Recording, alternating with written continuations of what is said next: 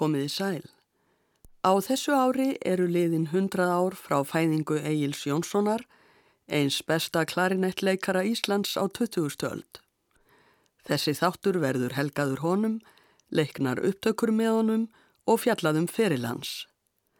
Það var Egil sem leik hér á undan með hljómsveit Bjarnar Böðvarssonar, klarinettpolka sem egnaður hefur verið Karol Namisvovski, hljóðritun frá 1954. Egil Jónsson fættist á Húsavík 19. mars 1921, sonur Jóns Baldvinssonar rafveitustjóra og konu hans aðalbjargar Benediktsdóttur húsfreyju. Árið 1969 byrtist í Alþýðublaðinu viðtal sem Steinun S. Brím tók við Egil en þar segir hann meðal annars frá því hvernig tónlistar áhugi hans vaknaði á æsku árunum. Á heimili mínu á Húsavík var mikið sungið og spilað. Þar var til orgelharmoníum sem ég var kent á. Ég lærði hjá Guðfinnu skáldkonu frá hömrum. Svo hendi mig svo lukka eða ólukka þegar ég var 12 ára að ég heyrði leikið á klarinetti í útvarpið. Mér var sko sagt hvað þetta hljóðfæri hétt. Og eins og sagt er, það skeði eitthvað. Ég var með klarinett á heilanum upp frá því. Ég gerði mér að segja tilraunni til að búa mér til klarinett. Ég tók hjólhestadælu bróður míns og boraði á hana gött. Það var hræðileg hljóðpípa, með skerandi tónum. En eitthvað var það að gera. Næst tók ég mér bambustúf og boraði á hann gött. Það voru skári tónar. Setna fór ég til Akureyrar að nema hárskera yðin. Í einni kennslustundinni myndist kennarin á hann ætti klarinett. Eftir tíman tók ég hann á eintal. Niðurstaða, ég mátti fá klarinettið lánað. Þegar ég kom heim með það, lokaði ég að mér og fjall í helgithögn. Egil var áttján ára þegar hann fór til Akureyrar til þess að læra hárskeraðinn og hann stundaði einni nám við tónlistarskóla Akureyrar. Hann helt síðan söður og hóf nám við tónlistarskólan í Reykjavík. Egil segir sjálfur þannig frá í Alþýðublaðinu. Ég fór í tónlistarskólan þegar ég kom söður en fekk enga kennslu á klarinett þar. Það sem gerði mér fært að komast utan til náms var að í forföllum leki á klarinett þegar verið var að sína Pétur Gaut. Ég leki í stað óbóistans, var hræðilega nervös en reyndi að bera mig vel. Og þessi leikur minn opnaði mér ímsa möguleika. Hann hafði ekki farið fram hjá framámönnum í tónlist og ég komst þarna í samband við tónlistarheimin. Egil útskrifaðist úr tónlistarskólanum árið 1945 og um haustið það ár hjælt hann til Englands til framhalsnáms.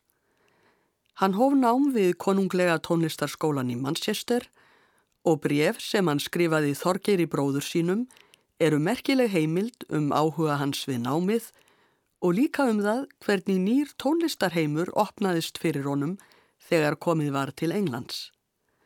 Allt í einu gatt hann farið á tónleika og hlustað á heimsfræga snillinga eins og fylguleikaran Jacques Thibault og celloleikaran Pablo Casals. Í brefi sem er postimplað 25. oktober 1945 segir Egil.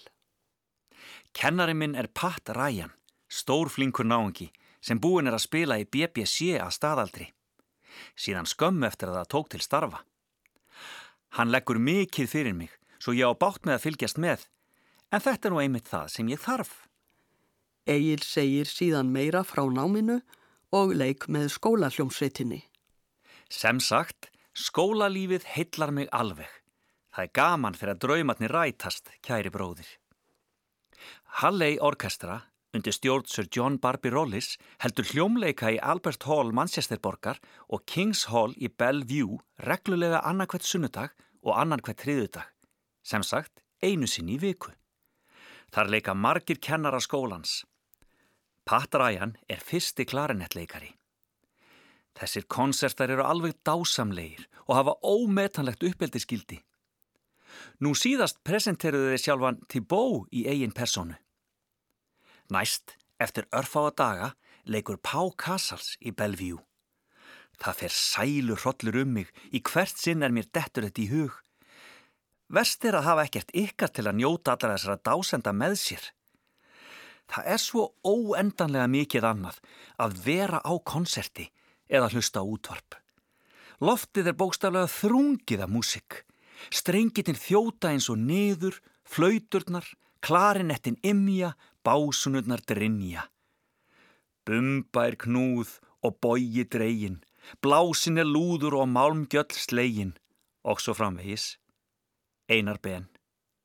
Þvílíkt ævintýri. Það er ljóð Einars Benediktssonar í Dísarhöll sem Egil vittnar í þarna í brefinu.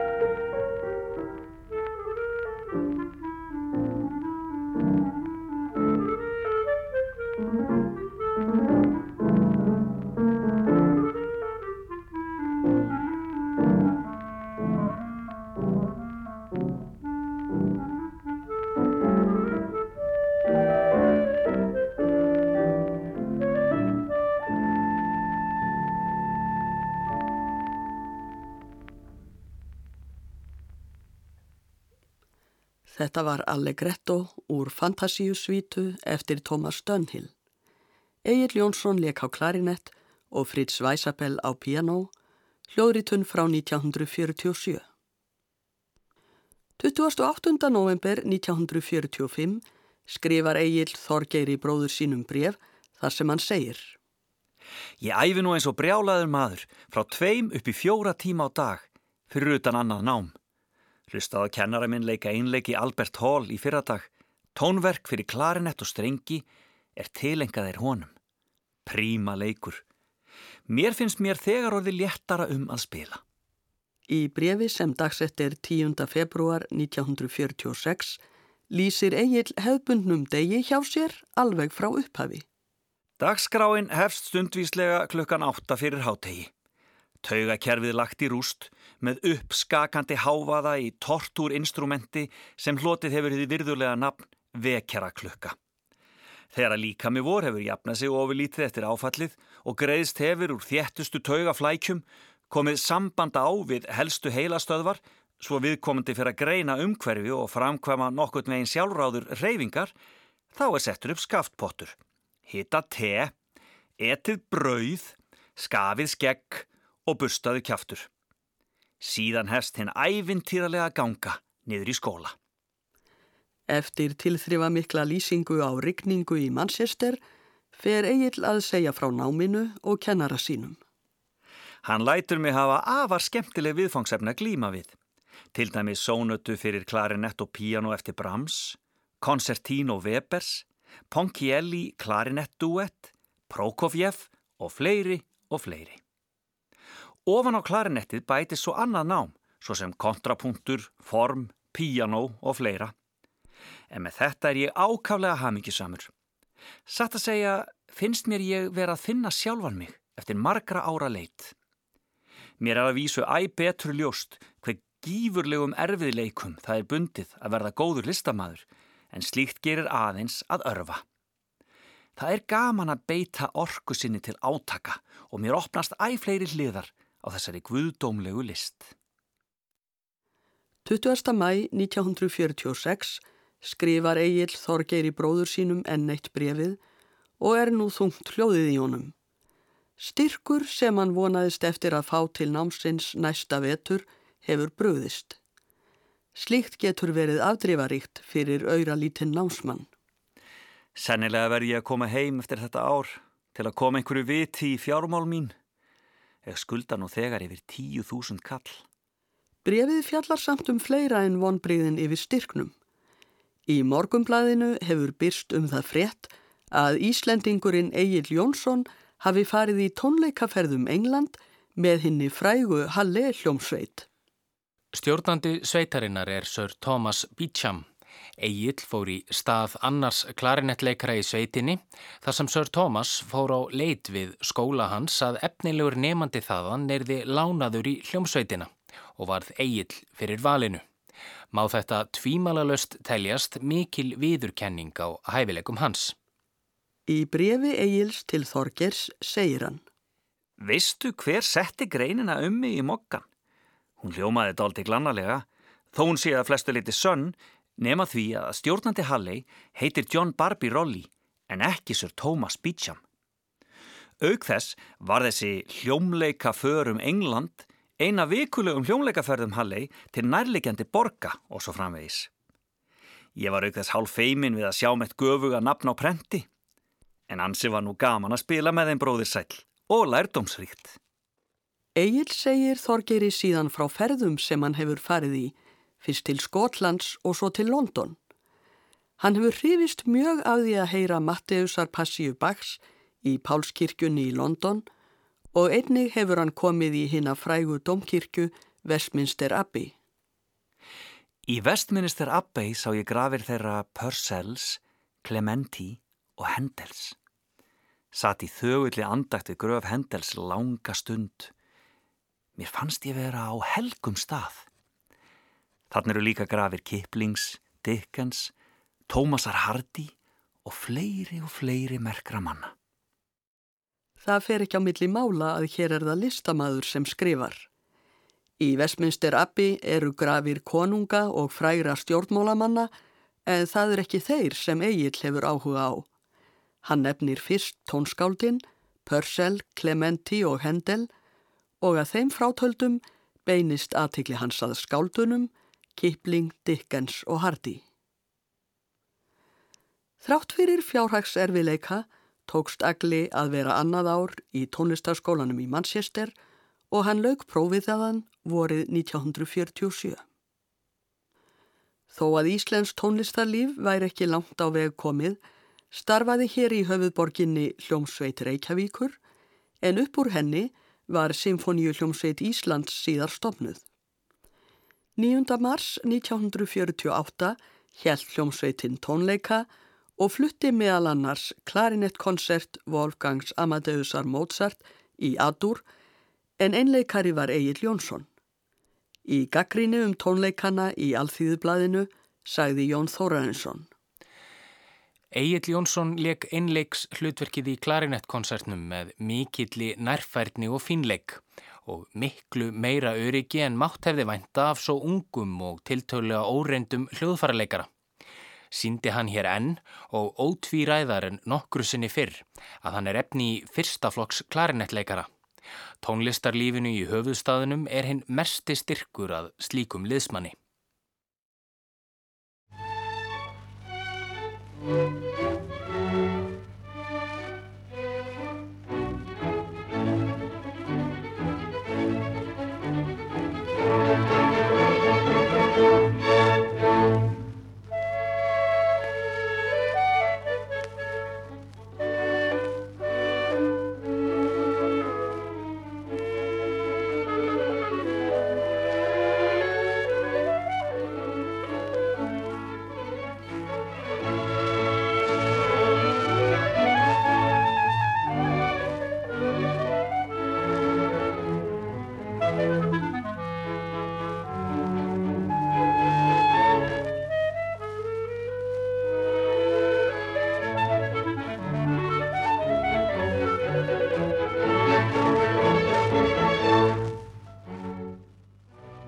Við heyrðum hér örstuðt brot úr fyrsta þætti klarinettkonserts Mozarts í Adur í flutningi Egil's Jónssonar og hljómsveitar Reykjavíkur undir stjórn Róberts Abrahams Ottóssonar, hljóðritun gerð 21. mars 1948. Egil var klarinettuleikari í hljómsveit Reykjavíkur á árunum 1948 til 1950 og þegar Sinfoníuhljómsveit Íslands var stopnuð 1950 var þann fyrsti klarinettleikari hennar. Hann kendi líka á hljóðfærið eins og við getum til dæmi séð á þessari auglýsingu í Djassblæðinu 1. februar 1950. Klarinettkensla. Enga tímar. Upplýsingar í síma 50-35 flesta daga. Egil Jónsson. Á áratugnum 1950 til 59 byrtist nafn Egils oft í dagskrá ríkisútvarsins þegar leikin er tónlist. Þar er ekki engöngu um að ræða tónlist eftir hornameistara, heldur líka samtíma tónlist, stundum nýverk eftir íslenska höfunda. 27. ágúst 1952 er flutti í útvarpinu Fantasy Sonata fyrir klarinett og piano eftir Viktor Urbantits og leikur eigil þar með höfundinum. Til er hljóðritun þar sem þeir leika verkið en dagsetningu vantar svo ekki er vitað hvenar upptakan er gerð. Við heyrum þá nú leika annan kapla sónutunnar Intermezzo Notturno.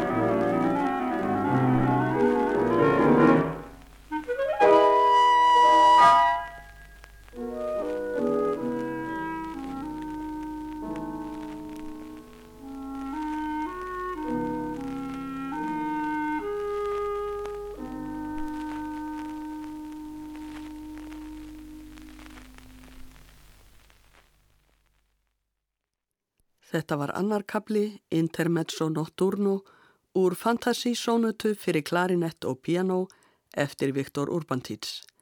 Egil Jónsson leik á klarinett og höfundurinn á piano. Egil dvaldist um tíma í París 1953 og sótti tíma hjá virtum frönskum klarinettleikara François Etienne. Hann vann vel úr námi sínu og hæfileikum eins og sjáma á í tónistarfréttum og dómum í íslenskum blöðum sjötta áratugar en þar er oft minnst á klarinettleikaran Egil Jónsson. Þegar R.J. tónlistargagrinandi morgumblaðsins, hugsanlega Ragnar Jónsson, fjallar um tónleikarsymfoníu hljómsveitar Íslands 14. september 1954, segir hann. Það er ekki und að skrifa svo um þessa tónleika að geta ekki eins manns úr hljómsveitinni. Það er Egil Jónsson, fyrsti klarinettisti. Nokkrir innlegs tónar hans á konsertinum voru eftirvill það eftirminnilegasta er þessir tónleikar skildu áheyrendum eftir og ætti honum sem fyrst að gefast kostur á að leika innlegs hlutverk með sveitinni. Heyrum brot úr fleiri dómum. EP segir í tímanum 19. mæ 1955. Egil Jónsson leik einleik á klarinett með mikilli príði og fárum tón. Björn Fransson segir í þjóðviljanum 27. júni 1955. Egil Jónsson leik fylgiröttina listfenglega á klarinettu sína. Og Rökkvaldur Sigur Jónsson segir í tímaritinu Nýju helgafelli í júni 1956. Einleikarin Egil Jónsson síndi að mörguleiti afburða leik. Tótt sem er bæði mikill og fagur á samt óbrygðulli smekkvísi eru aðal einkenni Egils en tæknin er honum algjört aukaðatriði. 8. mæ þetta ár var Egil einleikari með symfoníu hljómsveitinni og leik klarinettkoncert Mozarts við mikla hrifningu. Skömmu síðar fór Egil í tónleikaferð til Akureyrar með symfoníu hljómsveitinni og vakti fram í staða hans ekki minni aðdáun þar. Árið 1957 var Kammermusikklúpurinn stopnaður og kom Egil oft fram á tónleikum hjá honum. Við skulum nú hlýða á annan þátt Allegro Appassionato úr Sónutu í Estur opus 120 eftir Jóhannes Brahms. Egil Jónsson leikur á klarinett og Árni Kristjánsson á piano.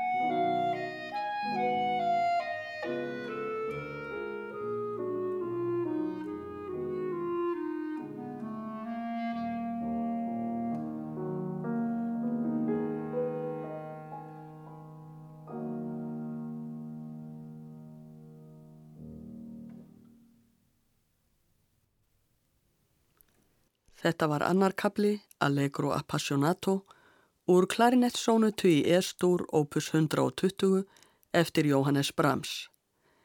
Egil Jónsson lék á klarinett og Árni Kristjánsson á piano. Hljóritunnin var frá 1964. Í júli 1959 varð Egil fyrir slísi og misti fremsta kökkul löngutangar á hægri hendi en slíkt var að sjálfsögðu mjög bagalegt fyrir hljóðfæraleikara. Samt tókst Agli að æfa upp fyrir færni. En hilsubrestur af öðru tægi var einnig farin að herja á hann. Hann barðist við áfengisíki. 1960 fór hann í veikindaleifi frá Symfoníuhljómsveitinni og fór til Þýskalands til þess að fá meðferð við sjúkdómi sínum en notaði tækifærið til þess að afla sér meiri tónlistarmentunar. Hann kom þá fram á tónleikum í Hamburg þar sem hann leik meðal annars sónötu eftir Jón Þóraensson og verk eftir Frans Schubert. Morgumbladið 14. april 1961 vittnar í umsögn gaggrínenda hjá Die Welt og Hamburger Echo. Gaggrínendur þessara blada fara lofsamlegum orðum um leik Egils. Die Welt segir til dæmis að hann hafi leikið af örugri tækni og tótn hans sé fagur en setur það eitt út á að hann hafi verið helst til hlétrægur. Það er, hefði mótt leika af heldur meiri krafti. Þá telur gaggrínandi blaðsins að hann hafi gert hlutverki sínu sem undirleikari með söngkonunni mjög góð skil. Gaggrínandi Hamburger Echo tekur í sama streng, segir Egil duglegan klarinettleikara. Máni Sigur Jónsson, vinur Egils, myndist þessara tónleika síðar í minningargrein um vinsinn. Hann segir þar. Ég átti einu sinni því láni að fagna að vera á tónleikum sem Egil kom fram á í stórasalnum í tónleikahöllinni í Hamburg. Á þessum tónleikum sem verða mér með öllu ógleimanleir vann hann eftirvill sinn stærsta listasigur. Um þetta vil ég þó ekki slá neinu föstu en það er erfitt eins og þeir sem til þekkja vita. En hitt er víst að leikur hans var liftrandi og hrífandi fagur og ég skinjaði þarna best hver mikill snillingur eigill í raun og veru var. Eitt af þeim verkum sem flutt var á tónleikunum var Der Hirt auf dem Felsen, Hyrðirinn á Hamrinum eftir Frans Schubert. Til er hljóritun af þessu verki, gerð 1966, fimm árum á eftir tónleikunum í Hamburg og er söngkonan þar Eigló Viktorsdóttir. Hér verður verki nú flutt í þessari hljóritun. Eigló Viktorsdóttir syngur, Egil Jónsson leikur á klarinett og Guðrúna Kristinsdóttir á piano. thank you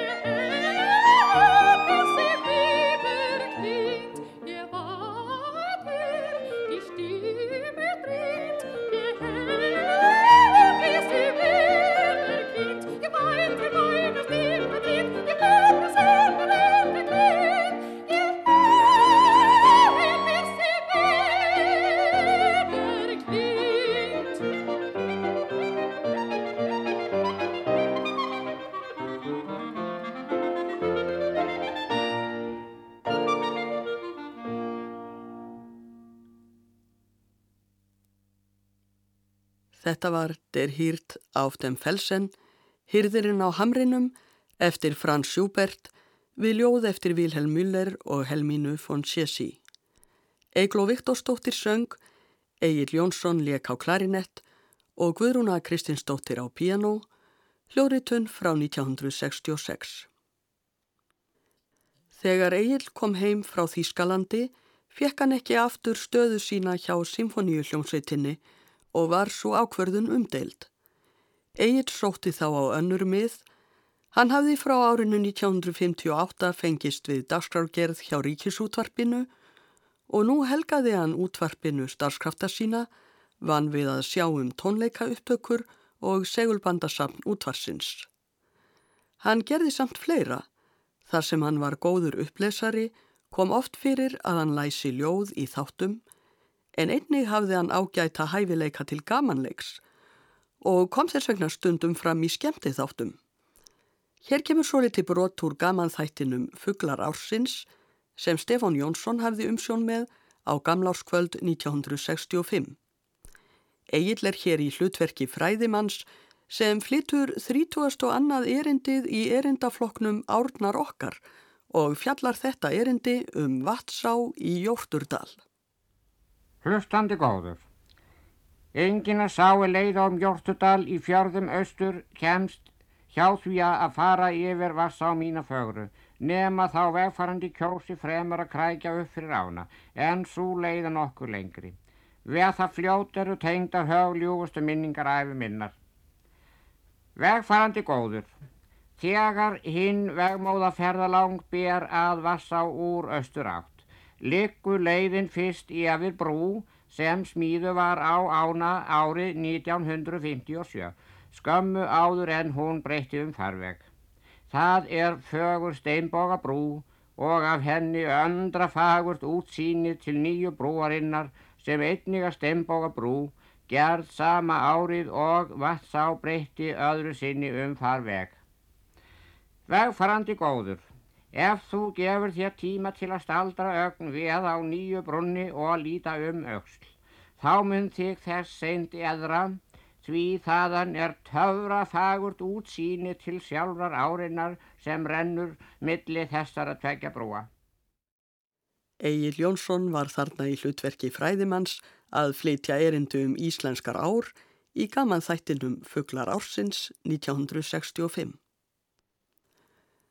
Það er undarlegt hvað allt tal og frásögn Egils skiptist millir gamans og alvöru, sagði Steinunes Brím í viðtalinu sem hún tók við Egil fyrir Alþýðublaðið 12. mæ 1969. Egil hafði þá verið að segja henni gamansögu en breytti allt í einu um tón og fór að segja henni frá ljóðum sínum því hann fjækst við að yrkja ljóð. Ekki fór á milli mála að skáldgáfa væri allt hans Því móður sýstir hans var skálkonan Hulda, unnur Benediktsdóttir Bjarklind.